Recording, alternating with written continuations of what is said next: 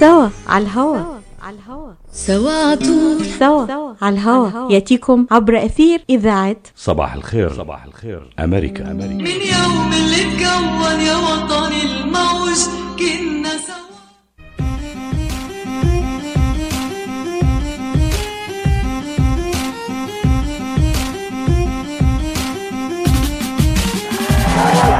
That I no longer have a strong enough political base in the Congress. to justify. My fellow citizens of the world, ask not. So first of all, let me assert my firm belief that the only thing we have to fear is fear itself. And next month, America will achieve the longest period of economic growth in our entire history. هنا واشنطن العاصمة هنا تصنع أحداث العالم وتتخذ القرارات التي تغير مجراها لكن مع ضجيج الأحداث هناك صوت لا نسمعه بوضوح صوت ما وراء الكواليس صوت يجيب على كل التساؤلات ويفتح الباب أمام نقاش جاد وتحليل عميق لكل ما نراه ونسمعه That's the true genius of America. That America can change. أهلا بكم في صوت العاصمة برنامج تعده وتقدمه لكم من واشنطن الإعلامية سميرة بالعكري Yes, we can. God bless you. And may God bless the United States of America.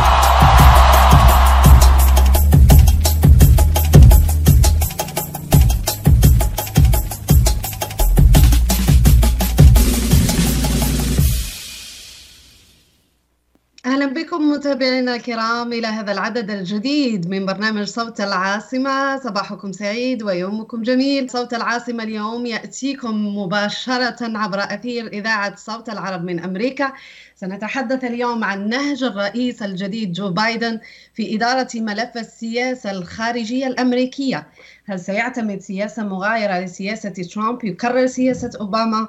أم سيكون له نهج آخر مغاير لمناقشة الموضوع. أسعد باستضافة الدكتور رائد الحلبي خبير ومحلل سياسي في الشأن الرو- الروسي ورئيس النادي الروسي العربي للأعمال.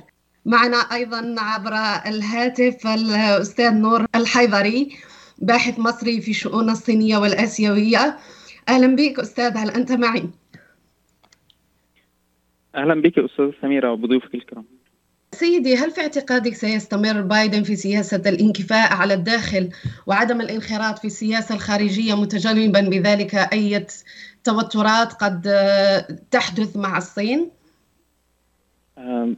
في رأيي آه، لا أعتقد ذلك آه، من خلال متابعة الحملة الانتخابية للرئيس بايدن قبل انتخابه ووصولا آه، إلى انتخابه فهو كان لديه نهجا واضحا آه، تحدث عنه عبر مستشاريه وبشكل شخصي آه، في رغبته في عودة أمريكا آه، إلى الساحة الدولية من جديد. أدلة ذلك كانت كثيرة من ضمنها تصريحه بنيته لعودة اتفاق باريس للمناخ ونيته لعودة آه، الولايات المتحدة الأمريكية آه، إلى منظمة الصحة العالمية والتي كان قد انسحب منها ترامب وانتقاده الشديد لما فعله ترامب بما كان يسميه انكفاء آه، على الداخل لأن ذلك كان يؤثر على على قوة أمريكا وعلى تواجدها آه، في الساحة ال- الدولية وهو ما أعطى في رأي بايدن فرصة كبيرة آه، لروسيا لتوسيع نفوذها في في الشرق الأوسط وكمثال على ذلك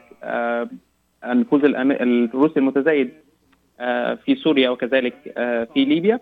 وفي نفس الوضع أعطى أعطى الانسحاب الأمريكي فرصة كبيرة للصين لل- للتوسع وتوسعة نفوذها في في شرق آسيا.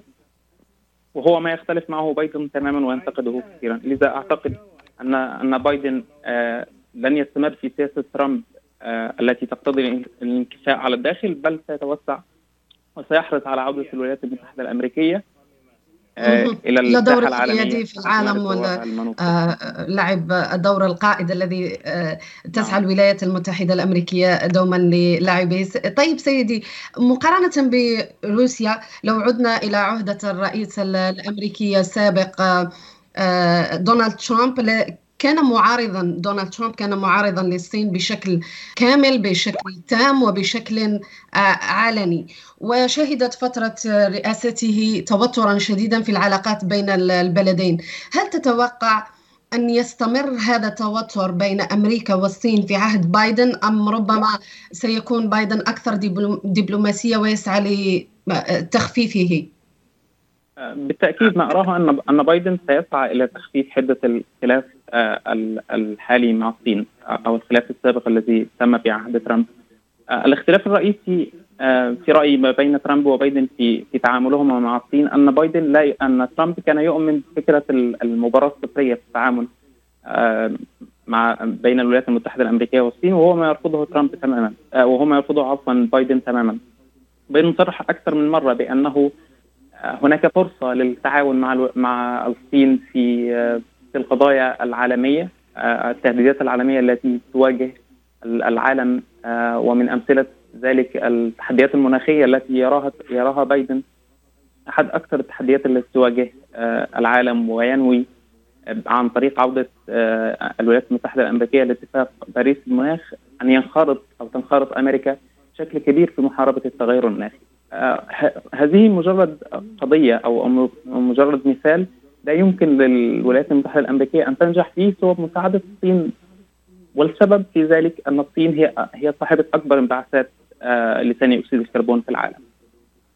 وبالتالي نعم.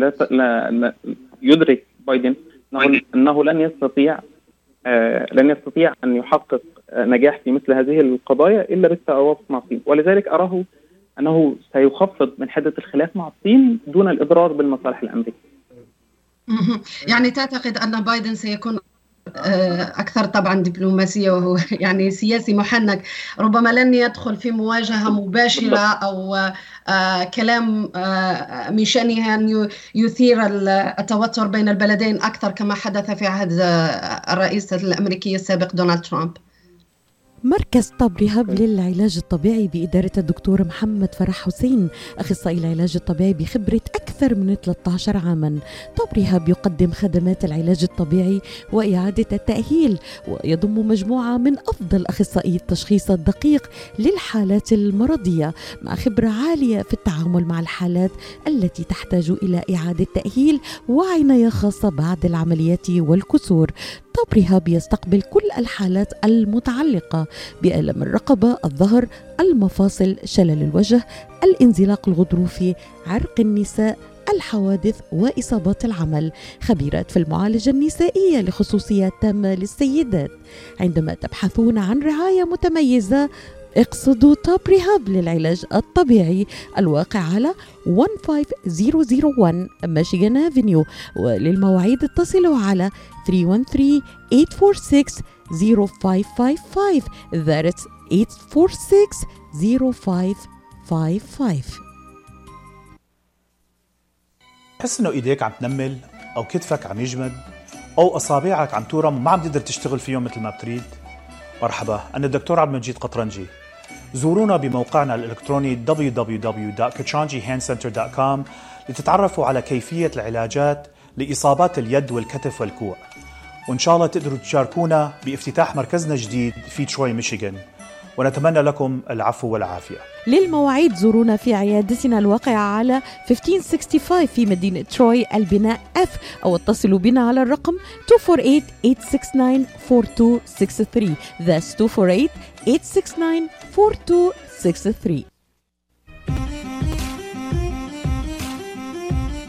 هنا واشنطن العاصمة.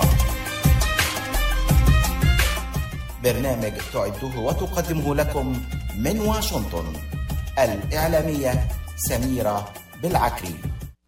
أهلا بكم مجددا مستمعينا الكرام إلى برنامج صوت العاصمة الذي كما سبق وقلت يأتيكم اليوم عبر أثير آه، إذاعة صوت العرب من أمريكا ونتحدث من خلاله عن إدارة ملف السياسة الأمريكية الخارجية من طرف الرئيس الأمريكي الجديد جو آه، بايدن وعلاقته بكل من روسيا والصين. فهل نحن مقبلون على تحالفات تعمل تحت قيادة أمريكية؟ أم صدامات وصراع على الصدارة يفقد العالم المزيد من الفرص ويلحق به الكثير من الخسائر؟ أواصل إذا الحديث مع ضيفي الكريم من الصين السيد نور الحيدري في انتظار التحاق الدكتور الدكتور رائد الحلبي الذي سيلتحق بنا أيضا من روسيا للحديث عن العلاقات الأمريكية الروسية أيضا. ولكن أكمل معك دكتور نور. كنا نتحدث عن انتشار الجائحة وهل سي سيتوجه الرئيس الأمريكي الحالي جو بايدن لتحميل الصين آه، مسؤولية انتشار هذه الجائحة أم ربما سيكون له تعامل من نوع آخر في هذا الملف؟ أعتقد أن بايدن لن يفعل ذلك. الربط ما بين مسؤولية الصين على انتشار الجائحة في العالم كانت آه، محاولة سياسية آه، من الرئيس السابق دونالد ترامب للضغط على الصين. حاليا هناك لجنة تحقيق داخل الصين تتبع منظمة الصحة العالمية. تقوم بالتحقيق في ووهان حول إذا ما كان هناك أي تقصير من السلطات الصينية في التواصل معها وهو ما تنفيذ الصين. والمسألة هنا ان أن جائحة كورونا لا تتعلق فقط بالولايات المتحدة الأمريكية أو الضرر الناتج عنها لم لم يتعلق أو لم يؤثر فقط على الولايات المتحدة الأمريكية بل هي أزمة عالمية أصابت كل دول العالم وبالتالي الحديث عن عن مسألة عقاب آه، الولايات المتحدة الأمريكية للصين بسبب هذه الجائحة لا يبدو لي منطقيا آه، لأن تأثيرها ليس ليس فقط على الولايات المتحدة الامريكيه هي قضية عالمية أو مشكلة عالمية تواجه دول العالم وطالما لم يكن هناك اتفاق عالمي على مسؤولية الصين عن هذه الجائحة بشكل آه، مثبت فإن الحديث عن عن توجه أمريكي خاصة في ظل قيادة بايدن لمعاقبة الصين عن هذا الأمر لا يبدو منطقيا بالنسبة لي. وهو الشيء الذي لم يتحدث عنه آه، آه، بايدن أو أي من مستشاريه السياسيين. آه، أود أن أشير هنا إلى نقطة أخرى وهي أن المتحدث وزارة الخارجية الصينية منذ يومين في تقرير صحفي أعلن بأن المساعدات الصينية تم تقديمها لأكثر من 150 دولة فيما فيما يمكن أن نسميه بدبلوماسية اللقاح ومن هذه الدول كانت الولايات المتحدة الأمريكية. الصين صدرت ووردت الكثير من المعدات الطبية ولا زالت آه، في شكل صادرات وفي شكل مساعدات من المقاطعات الصينية للولايات المتحدة الأمريكية. آه، وبالتالي كل هذه المؤشرات آه، في رأيي تنفي أي نية لدى إدارة بايدن أو لدى الولايات المتحدة الأمريكية على محاسبة الصين على انتشار الجائحة خصوصا وأنه لم يثبت مسؤوليتها عنه. في حالة ما إذا آه، نحن نعلم أن هناك فريق للتحقيق كما سبق وأشرت بعث من طرف منظمة الصحة العالمية للصين للتحقيق. في رأيك يعني آه، دعنا نتخيل أنه ثبت أنه آه، ثبت تورط أو تهاون أو خلينا نقول بعض التهاون من طرف السلطات الصينية في التعامل مع الفيروس مما جعله ينتشر في كل بلدان العالم وتتحول إلى جائحة ونعيش كل هذه المدة الطويلة في هذا في في هذه الحالة. هل ترى يعني كيف تتخيل أنه بايدن يتعامل مع هذا الموقف؟ وليس بايدن فقط حتى الدول الأوروبية لأنه في البداية حين كان يتحدث الرئيس الأمريكي دونالد ترامب عن مسؤولية الصين وتسببها في كل هذه الكارثة التي التي نجمت عن آه، عن جائحة كورونا كان بعض القادة القادة الأوروبيين أيضا آه، يميلون إلى آه، باتجاه تحميل الصين مسؤولية ما حدث وتهاونها في مسألة منع انتقال الفيروس إلى الدول الأخرى. كيف تتصور انه بايدن سيتعامل مع هذا الملف في هذه الحالة؟ في حال أثبتت منظمه الصحه تورط الصين. آه، حينها أعتقد أنه سيكون هناك تعامل آه، مختلف. آه، كما قلت الأمر لا يقتصر على الولايات المتحدة الأمريكية ولكن هي مسألة عالمية. من الصعب تخيل سيناريو لم يحدث خصوصا أن أن الصين تنفي نفيا تاما عن أي مسؤولية لها. كما كما رأينا في الفترة الأخيرة هناك تحور جديد ظهر للفيروس في جنوب إفريقيا. وظهر كذلك في بريطانيا ثم انتشر إلى بقية دول العالم. وحتى حتى الآن قبل قبل الخروج على الهواء كنت أتابع إحدى الصحف الصينية كانت تتحدث عن إصابات أو ما يشبه إغلاق جديد في بعض المقاطعات الصينية بسبب تأثرها بالتحور الجديد من فيروس كورونا. ولم نرى نفس نفس التعامل لم نرى حديثا من من أي جهة دولية أو من اي من أي رئيس أو من أي مسؤول صيني أو خارج حتى الصين يتحدث عن مسؤولية الدول التي انطلقت منها التحور الجديد للجائحة. كما قلت في رأيي أن ترامب كان يستخدم وصف الفيروس الصيني كنوع من من الضغط السياسي وهو يدرك تماما أن إثبات مسؤولية الصين امرا ليس ليس من السهولة بمكان عموما اذا إذا ثبت مسؤولية الصين وفق لجنة تحقيق دوليه من منظمة الصحة العالمية أعتقد أن بايدن حينها سيتخذ قرارات قد تكون صعبة على على الاقتصاد الصيني ربما يكون هناك مطالبة بتعويضات يرفعها مواطنون من قبل موجهه إلى القضاء الأمريكي. نعم. حينها سنكون آه أمام سيناريوهات مفتوحة لا يمكن تخيلها. نعم طبعا. آه يبدو أن الدكتور رائد الحلبي التحق بنا وقد كان قد تعذر عليه ذلك بسبب خلل تقني هل أنت معنا دكتور رائد؟ أيوه أيوه سامعني. كويس. أهلا بك وصباحك سعيد. أذكر مستمعينا الكرام أنه الدكتور رائد الحلبي هو خبير ومحلل سياسي في الشأن الروسي ورئيس النادي الروسي العربي للأعمال. دكتور رائد دعني بداية أسألك عن توقعك لولاية بايدن. هل تتخيل أن ولاية بايدن ستكون ولاية ثالثة لأوباما؟ وهذا ما يعتقده الكثيرين. يعني أنه سيتخذ سياسات مشابهة لتلك التي انتهجها الرئيس الأسبق باراك أوباما أم ان أم أنه سيكون له نهج مختلف تماما؟ يعني أعتقد هو سيكون بنفس السياسة القالب. الخارجية طبعا. تفضل. أكيد سيكون هو بنفس القالب تبع سياسة أوباما لأنه يعني هو كان مع مع أوباما مع الرئيس السابق. ان اللي يسووا الملف النووي الاتفاق النووي الإيراني العالمي نسميه أو الأمريكي. فأكيد نفس توجه بالأمور الأساسية. ففي أمور غير أساسية بالنسبة لهم خلافات هي مثلا سوريا سوريا اليمن الملف الأوكراني عندك الملف الليبي. أعتقد هيك رح يكون في توافق أكبر. رح تكون هالملفات هي مكان ثقة بين الطرفين. طبعا في خلافات هي كبيرة عميقة هو هو التسليح النووي هو سباق التسلح هي الصواريخ المتوسطه وبعيدة قصيره المدى ومتوسطة المدى. في عندك خلافات كبيرة بالملف النووي الايراني أكيد هي كلها ملفات شائكة. عندك الصين. يعني الصين هي بتشكل خطر على على البلدين وبتشكل خطر على روسيا أكثر من أمريكا اليوم. فأكيد يعني أكيد رح يكون بعتقد في توافق أكيد رح يكون بين الطرفين. الملفات الأساسية أكيد في خلافات وبدها شوية ثقة وبدها شوية وقت أكثر الملفات الاعقد طبعا. دكتور رائد لاحظنا إنه سياسة الرئيس السابق دونالد ترامب مع روسيا اعتمدت نوعا ما على خلينا نقول إن صح التعبير على نوع من التناقض فهو كان متسامح بشكل شخصي مع الرئيس الروسي فلاديمير بوتين فيما اتجه لفرض عقوبات على روسيا. هل في رأيك سيستمر هذا الوضع مع بايدن؟ يعني أنه بايدن سيكون ربما قريب من من بوتين و يتجه نحو فرض عقوبات أو معاقبة روسيا على أي شيء لا يروق للولايات المتحدة الأمريكية؟ أم كيف تتوقع أن يكون الأمر؟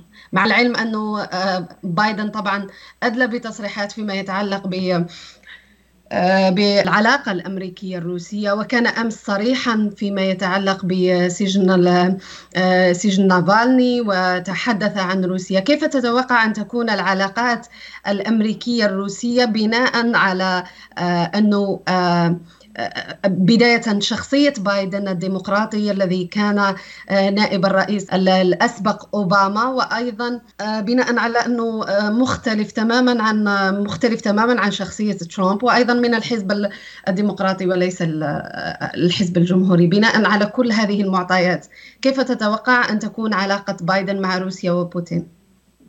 يعني أعتقد فينا أقول اليوم الرئيس الروسي وبايدن هن من السياسيين نسميهم الأوزان الثقيلة بالعالم. يعني طبعا ترامب ما كان سياسي بقدر بايدن قول واحد.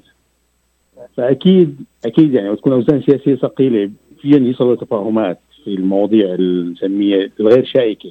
مثل مثل ما قلت الملف السوري، الملف الليبي، الملفات يعني الأقل شوي اللي ما تشكل خطر على الامن القومي للبلدين. طبعا في عندك مشاكل كبرى بين البلدين هي الأمن القومي يعني مثلا عندك الدرع الصاروخي في أوروبا هذا بيهدد روسيا مباشرة.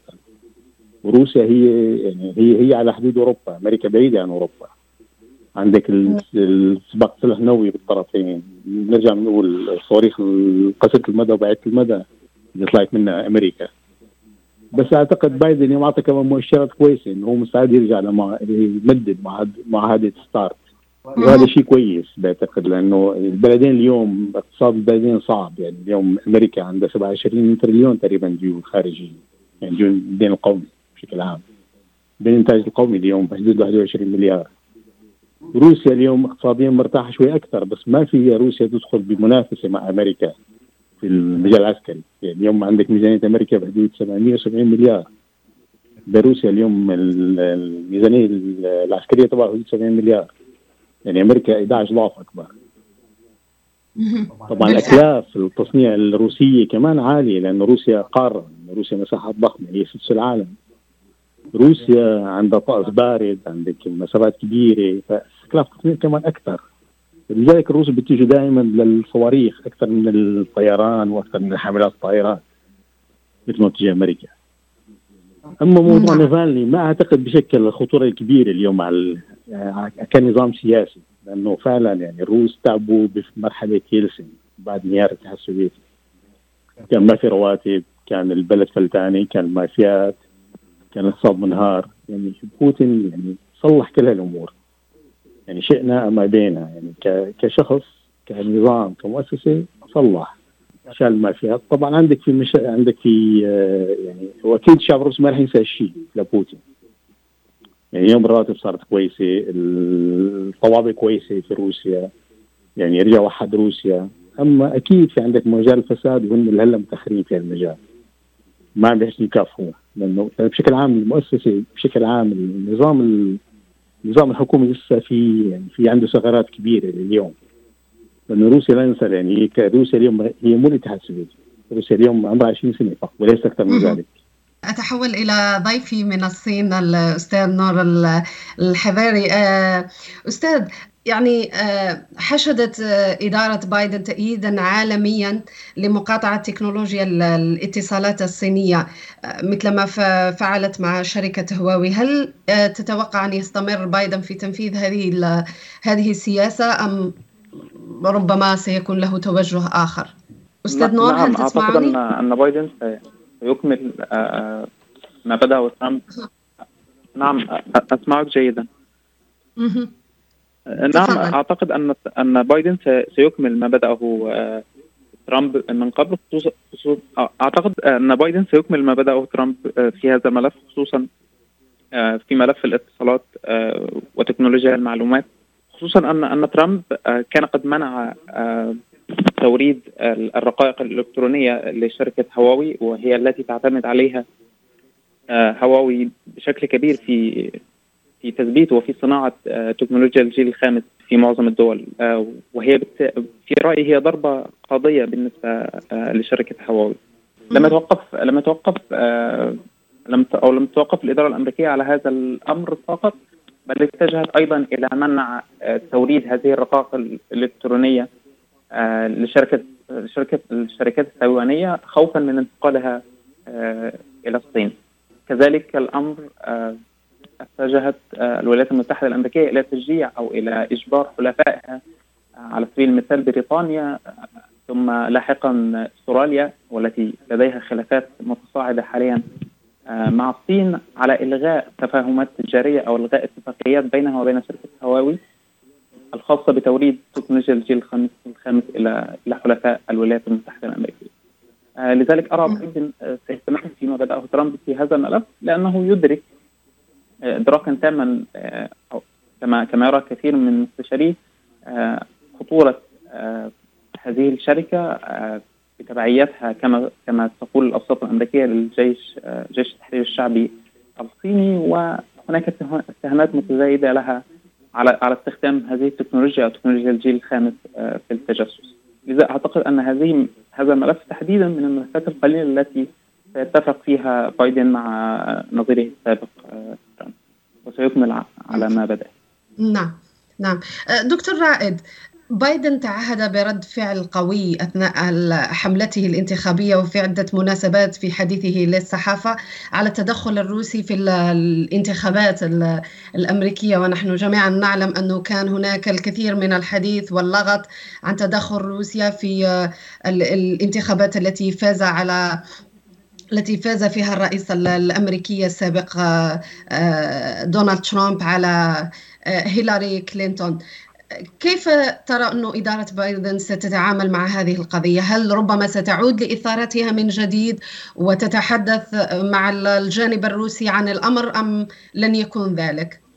يعني أعتقد أنا بأنه هذا الأمر هو يعني يعني كان بحاجة الديمقراطيين وتخص له انتخابات كانوا بحاجة لعدو وهمي نسميه طبعا كل التحقيقات اللي عملوها كل كل الاجهزه الحكوميه اللي عملتها بأمريكا ما وصلت لشيء بس إنهم بحاجة لعدو وهمي يكون مريح لهم يعني ما يعمل لهم مشاكل زيادة. لأنه العلاقات الاقتصادية اليوم يعني مو مو بكبر العلاقات الاقتصادية مع مع الصين. فأكيد رح يتموا يعني يعني ما رح يستغنوا عن هالأسطوانة. يعني مع إنه هي يعني هي وهي وهمية بس كانت يعني هي سبب الفشل الديمقراطيين هذاك الوقت مع إنه كانت كلينتون جدا متقدمة. فكان بحاجة لهالعدو الوهمي. بس أكيد هذا يعني يعني ما راح يأثر هو بس هي احدى وسائل الضغط وليس أكثر على روسيا اليوم. في الحصول عليها على مكاسب أكثر بالامور بالأمور الأخرى. نعم. سأكمل النقاش. معك دكتور رائد ومع ضيفي الكريم من الصين ولكن بعد هذا البريك. At Top Rehab Physical Therapy Clinic in Dearborn, we provide effective physical therapy sessions in order to limit pain and discomfort. Top Rehab provides physical therapy care for any diagnosis prescribed by a physician, and we regularly see and treat conditions such as stroke, TMJ, fibromyalgia, sciatica, joint pain, and more. We use a variety of pain management methods, including modalities, soft tissue mobilization, and therapeutic exercise. If you're in need of physical rehabilitation or physical therapy, get the highest quality health care at Top Rehab. Most insurance is accepted and we're open Monday, Wednesday, and Friday 8 to 6, Tuesday and Thursday 8 to 5, and Saturday 10 till 2. Call for an appointment today at 313 846 0555. That's 313 846 0555. Choose Top Rehab Physical Therapy Clinic on Michigan Avenue in Dearborn. Life's too short to be in pain. Are your hands feeling numb? Do you feel pain opening up a jar, turning a key? Are you noticing that your elbow and your shoulder are becoming stiff? Or were you recently injured in your arm? Hello, I'm Dr. Albanjit Katranji, and at the Katranji Hand Center, which just recently opened down the street from the Somerset Mall, we can provide you with the latest in hand, wrist, elbow, and shoulder care. Visit us at www.katranjihandcenter.com to learn the latest techniques that we have to offer you, and I look forward to taking care of you. Visit us in Troy at 1565 West Big Beaver Road, Building F, or call Katranji Hand Center for an appointment at 248 869 4263. That's 248 869 4263. هنا واشنطن العاصمة برنامج تعده وتقدمه لكم من واشنطن الإعلامية سميرة بالعكري. أهلا بكم مجددا مستمعينا الكرام إلى هذا العدد الجديد من برنامج صوت العاصمة الذي يأتيكم اليوم مباشرة على أثير إذاعة صوت العرب من أمريكا. كما قلت سابقا نتحدث اليوم عن نهج الرئيس الجديد جو بايدن في إدارة ملف السياسة الخارجية الأمريكية. هل سيعتمد سياسة مغايرة لسياسة ترامب؟ يكرر سياسة أوباما أم سيكون له نهج آخر؟ ولعل أكبر التحديات التي تواجه الرئيس الأمريكي الجديد على المستوى الخارجي العلاقات مع العملاقين المنافسين روسيا والصين. فكيف إذا ستكون شكل أو سيكون شكل العلاقات الأمريكية مع كل من الدب الروسي والمارد الصيني؟ هل سنشهد مزيد من التوتر أم ستتجه لاعتماد نهج الحوار؟ هل نحن مقبلون على تحالفات تعمل تحت قيادة أمريكية أم صدامات؟ وصراع على الصدارة يفقد العالم المزيد من الفرص ويلحق به الكثير من الخسائر. إذا ولمناقشة كل هذه المحاور ومحاور آه، أخرى طرحناها آه، معي دائما الدكتور رائد الحلبي خبير ومحلل سياسي في الشأن الروسي ورئيس النادي الروسي العربي للأعمال. ومعي أيضا آه، الأستاذ نور الحيدري باحث مصري في الشؤون الصينية والآسيوية. وكان قد صدر له كتاب عن العلاقات الدبلوماسية بين الصين والعراق لدار النشر عبر القارات بكين. كنت أتحدث قبل الفاصل مع الدكتور رائد آه، عن تعهد بايدن برد فعل قوي على التدخل الروسي في الانتخابات وكيف سيتعامل مع هذه آه، القضية. كنت قد قطعتك آه، دكتور رائد. إذا كنت تقول أنه أمريكا أيوة. في ذلك الوقت أو في في سياستها تحتاج إلى صناعة عدو وهمي هل تعتقد أنه أكيد هذا أكيد. كان فقط حديث آه يعني موجه للإعلام وموجه لل موجه للأمريكيين وأن آه الرئيس الحالي بايدن لن لن يقوم بأي رد على التد... على ما سمي بالتدخل الروسي في الانتخابات الأمريكية وفوز آه الرئيس السابق آه دونالد ترامب. أكيد لن يكون هناك أي رد ولكن ستكون هي ورقة ضغط نسميها ورقة ضغط إعلامي. وليست أكثر من ذلك لأنه يعني لا يوجد يعني لا يوجد أي إثباتات حول التدخل الروسي. طب طب ليش ما قالوا مثلا كان هناك تدخل صيني؟ أكيد لأنه كانت العلاقات الصينية التجارية نعم. الصينية الأمريكية أكبر بكثير. يعني كان فيهم مثلا يقولوا تدخل صيني هذاك الوقت. ما له تدخل صيني قالوا تدخل روسي لأنه حجم التبادل التجاري بين روسيا والصين اليوم يعني 26 مليار تقريبا لكل بلد 13 مليار. فيعني هذا مو الرقم الكبير يشكل مشاكل كبرى بين البلدين.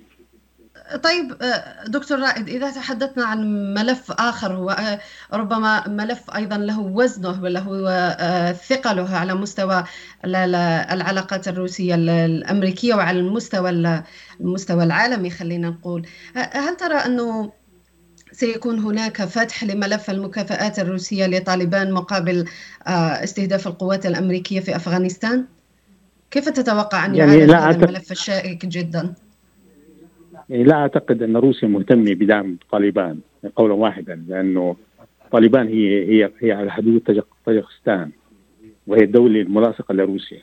اي أي يعني أي دعم لطالبان سيفجر سيفجر البركان نسميه البركان الأنظمة الشمولية الموجودة بقايا الاتحاد السوفيتي مثل عندك طاجكستان كازاخستان أوزبكستان قرقيزستان هي كلها أنظمة شمولية لليوم هي كلها من بقايا الاتحاد السوفيتي.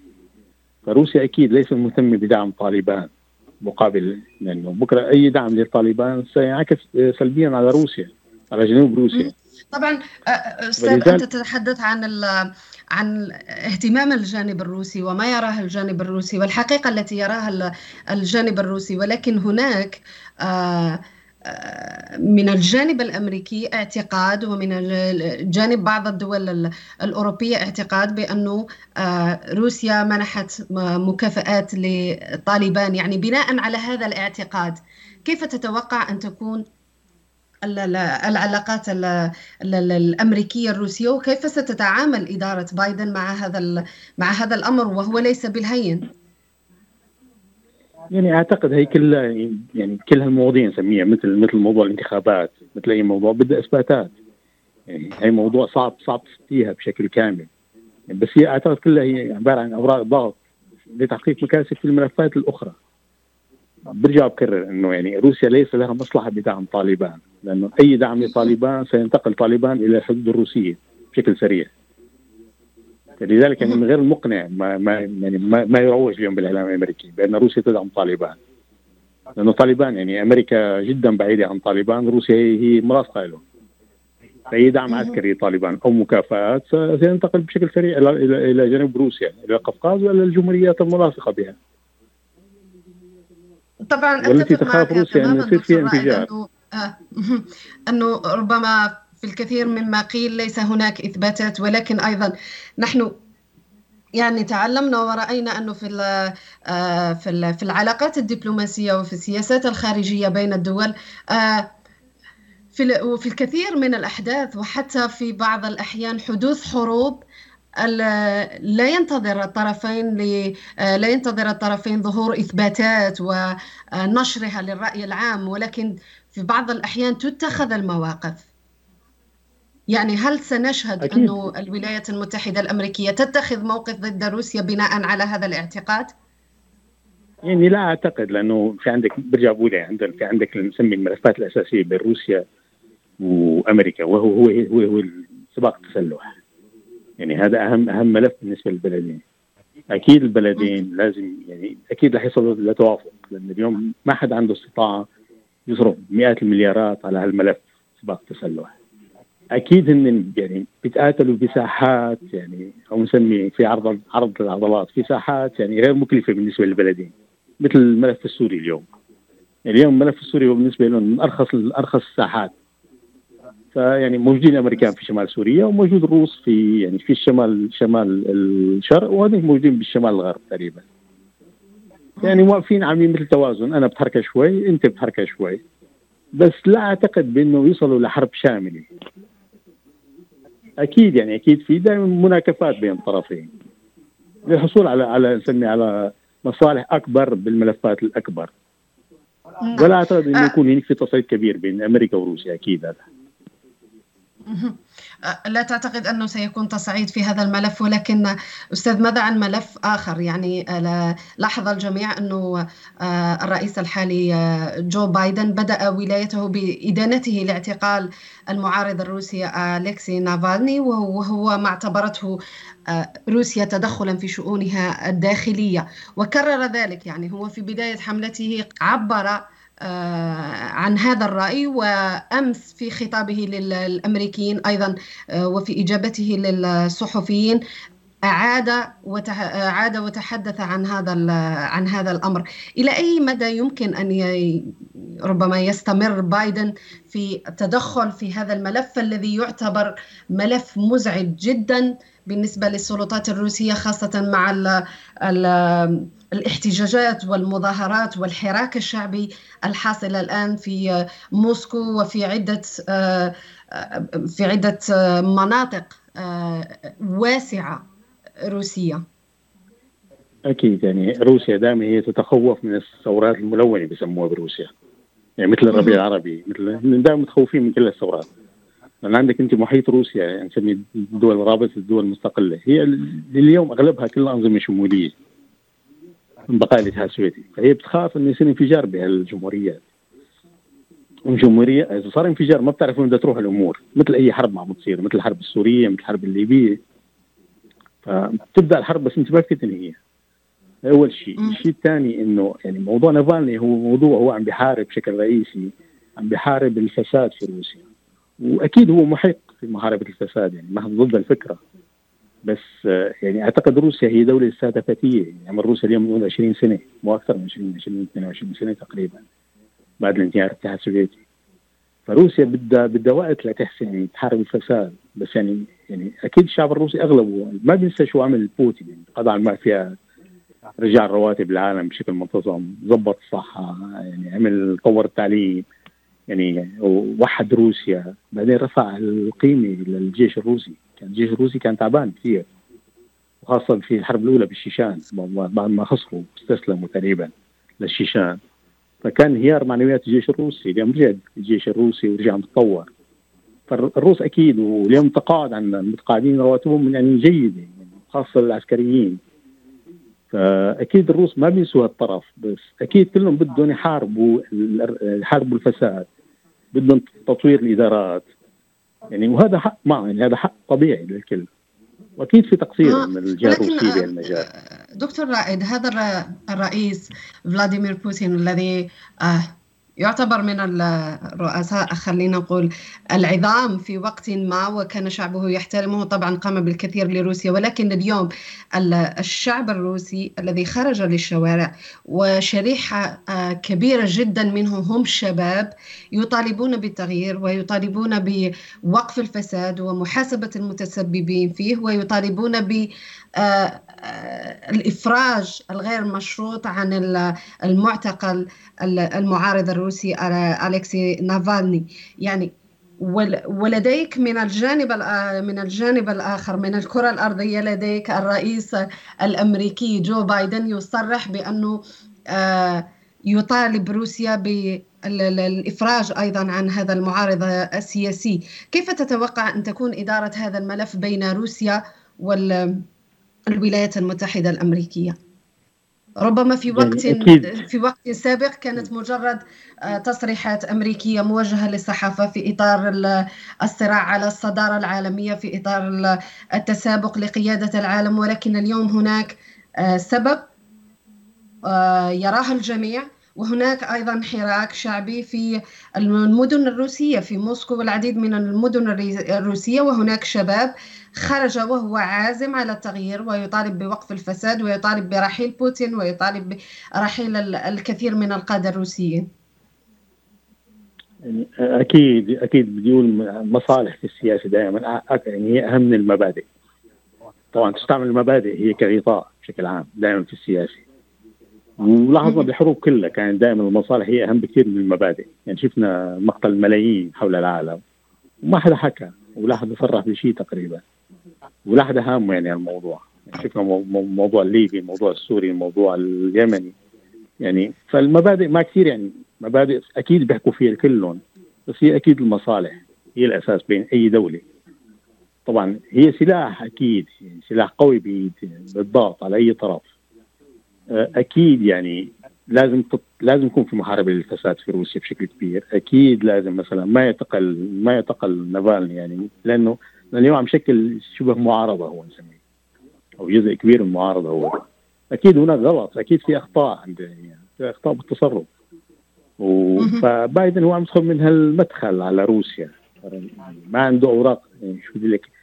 لازم هو أدنى نعم. في كتر أوراق في هي إحدى الأوراق اللي بإيده السياسية. استسمحك استسمحك دكتور رائد اكمل معك مناقشة هذه النقطة المهمة جدا ولكن بعد هذا البريك.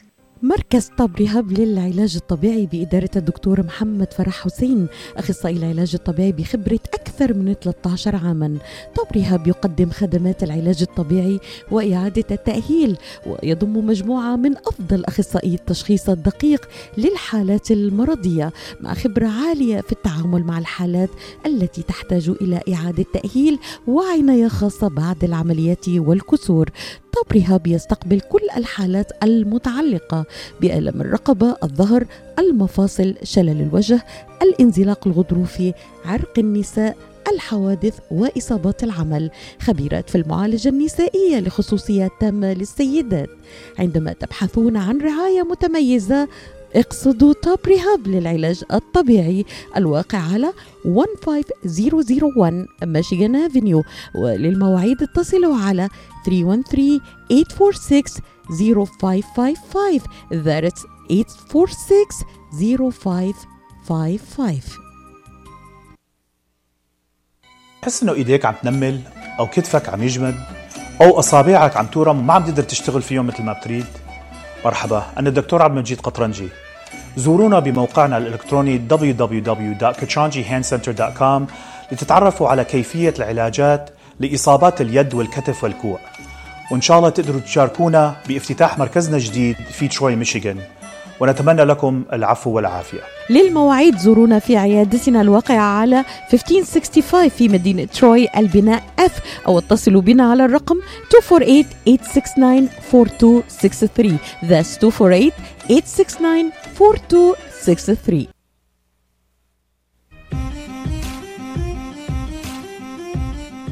هنا واشنطن العاصمة. برنامج تعده وتقدمه لكم من واشنطن. الإعلامية سميرة بالعكس. أهلا بكم مجددا مستمعينا الكرام آه، إلى هذا العدد من برنامج صوت العاصمة الذي نستضيف فيه كل من الدكتور آه، رائد الحلبي خبير ومحلل سياسي في الشأن الروسي ورئيس النادي الروسي العربي للأعمال وأيضا الأستاذ نور الحيدري آه، باحث مصري في الشؤون الصينية والآسيوية كان قد صدر له كتاب عن العلاقات الدبلوماسية بين الصين والعراق لدار النشر عبر القارات بكين.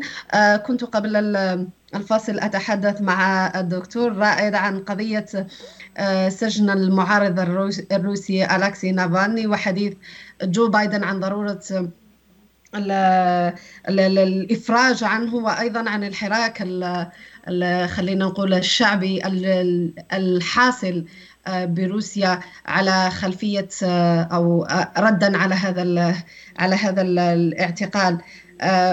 دكتور رائد كنت أقول أنه آه، الآن ليس فقط الموقف الأمريكي هو الذي يطالب بالإفراج عن هذا المعارض بل هناك أيضا حراك شعبي يدعم هذا التوجه. اذا آه، كيف تتوقع أن تكون إدارة هذا الملف بين بايدن وبوتين؟ أعتقد يعني ان البلدين أكيد مثل ما حكينا إنه المصالح أهم من المبادئ بالسياسة الدوليه بس أكيد أنا أعتقد يعني لازم يعني أكيد لازم نتصرف حتى نقول النظام الروسي بشكل يعني أكثر واقعية ولازم نحتوي هال هالمشكلة. يعني أنا برأيي كان اعتقال نافالي هو غلط بشكل عام. يعني كان بالعكس لازم يستقبلوه ويحكوا لنا وياه ويتناقشوا يعني أكيد يعني لازم يفتحوا مجال أكثر للحوار في المجال معه.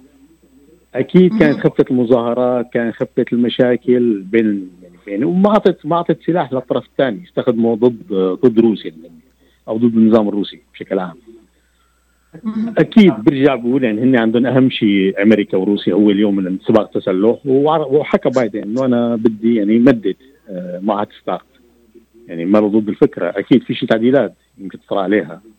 بس بعتقد هو هذا الأهم الأكبر والأهم للبلدين لأنه هذا هو يعني هو عصب الاقتصاد بين البلدين. يعني روسيا اليوم ما فيها تدخل بحرب مع أمريكا مثل ما قلنا لأنه روسيا آه، يعني ما بيسمح لها لا التسليح تبعها ولا لا القوة الاقتصادية تبعها. يعني اليوم روسيا بحدود 2 تريليون بين أمريكا مثلا حجم الدخل حوالي 21 تريليون 21 22 تريليون دولار. آه، طبعا روسيا مهددة من كل أطرافها. بين أمريكا ما حدا أمريكا قاعدة بقارة لحالها ما حدا مهددها. روسيا مهددة من الصين عندك مليار وحوالي رح يصيروا 2 مليار على حدود روسيا. أكيد آه، روسيا يعني عم بيدخلوا الصينيين بدون أي بياز بفوتوا بياخذوا خشب بياخذوا مواد اوليه من روسيا أكيد هي متخوفة كثير ولذلك نحن روسيا ما عندنا استثمارات صينية حتى. يعني نادرة استثمارات صينية. روسيا ما بدها استثمارات صينية. خوف إنه يدخل الصينيين ويحتلوا روسيا. وأكيد يعني هن لأنه روسيا سدس العالم. يعني روسيا اليوم سدس العالم و145 مليون نسمه بين عندك 2 تريليون على حدودهم. ولاحظنا إنه هي دعمت اليوم دعمت تركيا في الحرب الأذربيجانية الأرمنية. لأنه بهمها إنه تركيا تجمع القوميات التركيه حواليها.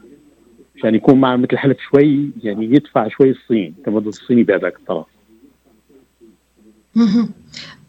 نعم. آه، أكمل مع آه، آه، ضيفي من الصين في موضوع مشابه نوعا ما. أستاذ نور الحيدري يعني يقتصر أو ربما هسه يقتصر تعامل الرئيس الحالي آه، جو بايدن مع الملفات المتعلقة بالمصالح الأمريكية فيما يتعلق بعلاقاتها بالصين أم ربما سيتطرق أيضا لمشاكل تعتبرها الصين مشاكل داخلية مثل قضية هونغ كونغ وتايوان ووضع مسلمي الإيغور؟ بالتأكيد لن لن يقتصر آه، تعامل بايدن آه، على نعم أسمعك جيدا تفضل. كما قلت بالتأكيد لن يقتصر آه، تعامل بايدن مع مع الصين على الملف التجاري فقط. آه، بل سيعتمد على على تعزيز البعد القيمي في السياسة الخارجية الأمريكية وهو وهو البعد الهام الذي دائما ما تستند إليه أمريكا في علاقاتها آه، الخارجية وهو بعد مؤسس وبعد رئيسي في سياستها الخارجية. أمريكا كما نعرفها دائما وكما تعودنا عليها دائما تعتز بأنها الدولة الأولى المسؤولة عن النشر الديمقراطية في العالم وحقوق الإنسان والمدافعة عنها. آه، وهذا وهذا نهج رئيسي في آه، لدى الحزب الديمقراطي الذي يمثله بايدن. وهذا البعد الرئيسي في السياسة الخارجية الأمريكية تخلى عنه ترامب وفي رأيي هذا سيكون الاختلاف الرئيسي ما بين بايدن وترامب في التعامل آه، مع الصين. وهذا الأمر كان واضحا آه، منذ اللحظة الأولى لترشح بايدن. فبعد إقرار قانون الأمن القومي الذي أقرته الصين في جزيرة آه، هونغ كونغ وهذا القانون الذي يقضي بإصدار عقوبات تصل إلى حد السجن المؤبد على اي على أي شخص داخل إقليم هونغ كونغ يرتبط بأنشطة تدعو إلى إلى الاستقلال أو أو تطالب آه، بالانفصال عن الصين. آه، بايدن كان واضحا حينها وقال أثناء ترشيحه أنه سيقوم بفرض عقوبات على الصين في حال سنها قوانين تهدد الطبيعة الخاصة لهونغ كونغ. آه، يقصد طبعا الطبيعة الديمقراطية ولم يتوقف هنا بل قال أيضا بأنه لن يسمح للشركات الأمريكية بأن تساند ما أسماه هو بأن تساند السلطات الصينية أو الحزب الشيوعي الصيني في التجسس على المواطنين آه لذلك في رأيي أرى أن أن بايدن آه سينتهج نهجا مخالفا لترامب وسيركز بشكل أكبر ليس على على الجانب الاقتصادي فقط أو العلاقات التجارية مع الصين أو الخلافات أو الحرب التجارية بل سيمتد إلى إلى التركيز على على على ملف تايوان وعلى ملف آه هونغ كونغ والمطالبة بتعزيز الديمقراطية وحقوق الإنسان في الصين. آه، بايدن أيضا لن يعني يكتفي آه، بهذا الأمر بل سيسعى إلى تشكيل تحالف عالمي خصوصا مع الدول الاوروبيه أو الشركاء الاوروبيه الرئيس آه، السابق دونالد ترامب؟ أستاذ نور. ليس بالضبط يعني هو سيسعى كما قلت في البداية هو سيسعى إلى تخفيف حدة التوتر نعم أسمعك يا أستاذ. ليس تماما. يعني آه، لن يسعى إلى آه، إلى إلى إقرار نفس أو استمرار نفس الحرب أو الحرب التجارية مع مع الصين بنفس الحدة ولكنه سيتخذ أو سيعتمد على الأسلوب الدبلوماسي آه، بشكل أكبر. سيعتمد على أسلوب دبلوماسي إلى ربما تخضع العلاقات التجارية بين البلدين إلى مفاوضات جديده خصوصا آه، الأمر الذي يدعم ذلك هو الرغبة التي ابداها الجانب الصيني أو ما يمكن أن نسميه بالانفتاح الذي آه، تسعى إليه الصين أو الذي عبرت عنه الصين وتفاؤلها آه، بالعهد الجديد لرئاسة بايدن. وهذا ظهر في كلام وزير الخارجية الصيني وأيضا بالأمس في في خطاب الرئيس الصيني في منتدى الاقتصاد العالمي دافوس. الرئيس الصيني تحدث مرارا وتكرارا عن دعم طيب آه, آه، طيب أستاذ نور ماذا عن قضية يعني تحدثت عن هونغ كونغ وتايوان؟ ماذا عن وضع مسلمي الإيغور؟ يبدو أننا أضعنا الأستاذ نور الحيدري بسبب خلل تقني. أكمل مع الدكتور الدكتور رائد من من الصين. هل تسمعني دكتور؟ أيوه أسمعك من موسكو. اذا معنا موسكو. آه، دكتور رائد كيف يعني تتصور أن يوازن آه، جو بايدن في التعامل مع الملفات الشائكة في العلاقات الأخرى التي تتطلب تعاون وحوار مثل المعاهدات للحد من الترسانة النووية ومشاكل أخرى تؤرق العالم بأكمله. كيف ترى أنه سيكون آه، هذا آه، يعني تسوية هذه الملفات بين كل من جو بايدن والرئيس آه، الروسي فلاديمير بوتين؟ أعتقد أنه سيتم طرح أفكار أفكار أفكار حقيقية بين البلدين. نسميها أفكار كبرى للمشاكل الكبرى. بس أكيد ستكون منصة الثقه بين أمريكا وبين روسيا هي في الملفات الصغرى مثل سوريا مثل ليبيا من يعني بالأوكرانيا. يعني هذه الملفات تعطي ثقة للطرفين دائما. وهي بتكون منصة للانطلاق للملفات الأكبر. بس أكيد بيكون في توافق بالمواضيع الأساسية عن عن القضية السورية والقضية الليبية أيضا. آه، كيف ترى انه بايدن سيواجه زيادة النفوذ الروسي في العالم العربي خاصة في هذين البلدين؟ يعني أعتقد اليوم أمريكا هي ليست يعني مو ليست مهتمة جدا بمنطقة بمنطقة الوطن العربي نسميها اليوم. لأنه اليوم أمريكا لديها احتياطات نفطية كبيرة عندها غاز كميات كبيرة. أمريكا هي بعيدة عن أي تهديد يعني لا تشكلها هذه المنطقة تهديد. اليوم التهديد الأكبر على على على أمريكا هي اليوم الصين وليست روسيا. يعني روسيا بيجوز التهديد بالسلاح النووي ولكن اقتصاديا روسيا لا تهدد آه، أمريكا اليوم. الصين اليوم عندك بحدود ال 15 تريليون ناتج قومي والصين اليوم تستثمر عم استثمارات عم تدخل مشاريع كبرى. أمريكا اليوم عليها دين 27 مليار تقريبا ما في 27 تريليون عفوا. فهي ما في تدخل باستثمارات اليوم أمريكا. يعني استثمارات كبرى ما فيها أمريكا بالعكس هي بدها بدها دخل من يعني من الدول نسميها مقابل الحماية. وأكيد مقابل يعني مقابل تنشيط الشركات التقنية التقنيات العالية شركات البرمجيات. وأعتقد اليوم يعني آه، الصين هي عم تاخذ القسم الأكبر من من الاقتصاد الأمريكي من السوق من شركات تقنية. فلذلك أكيد يعني هي المشكلة الكبرى اليوم مع الصين وليست مع روسيا. نعم. يبدو أننا أنا لم نستطع استرجاع الأستاذ نور الحيدري من الباحث المصري في الشؤون الصينية والآسيوية الذي التحق بنا من من الصين. آه، كانت لدي الكثير من الأسئلة الأخرى لأناقشها مع ضيفي الكريمين. معك أيضا دكتور رائد الحلبي ولكن يبدو أن الوقت يدركنا ووصلنا إلى ختام هذا العدد من برنامج صوت العاصمة. أشكرك جدا دكتور رائد الحلبي الخبير والمحلل السياسي في الشأن الروسي ورئيس النادي الروسي العربي للأعمال. أشكرك على تلبية الدعوة وعلى كل الإفادات التي أعطيتنا في هذا البرنامج. شكرا لك سميرة وشكرا للقناة وشكرا للمستمعين الكرام. وأتمنى لكم التوفيق دائما. باستضافتك في أعداد آه، أخرى وبرامج آه، أخرى والشكر أيضا موصول للأستاذ نور الحيدري الذي التحق بنا من الصين وهو الباحث المصري في الشؤون الصينية والآسيوية وله مؤلف عن العلاقات الدبلوماسية بين الصين والعراق لدار النشر عبر القارات آه، بكين الشكر موصول لكم مستمعينا الكرام على البقاء أوفياء والاستماع لنا عبر أثير إذاعة صوت العرب من أمريكا. نهاركم سعيد وألقاكم في عدد آخر إن شاء الله. سلام.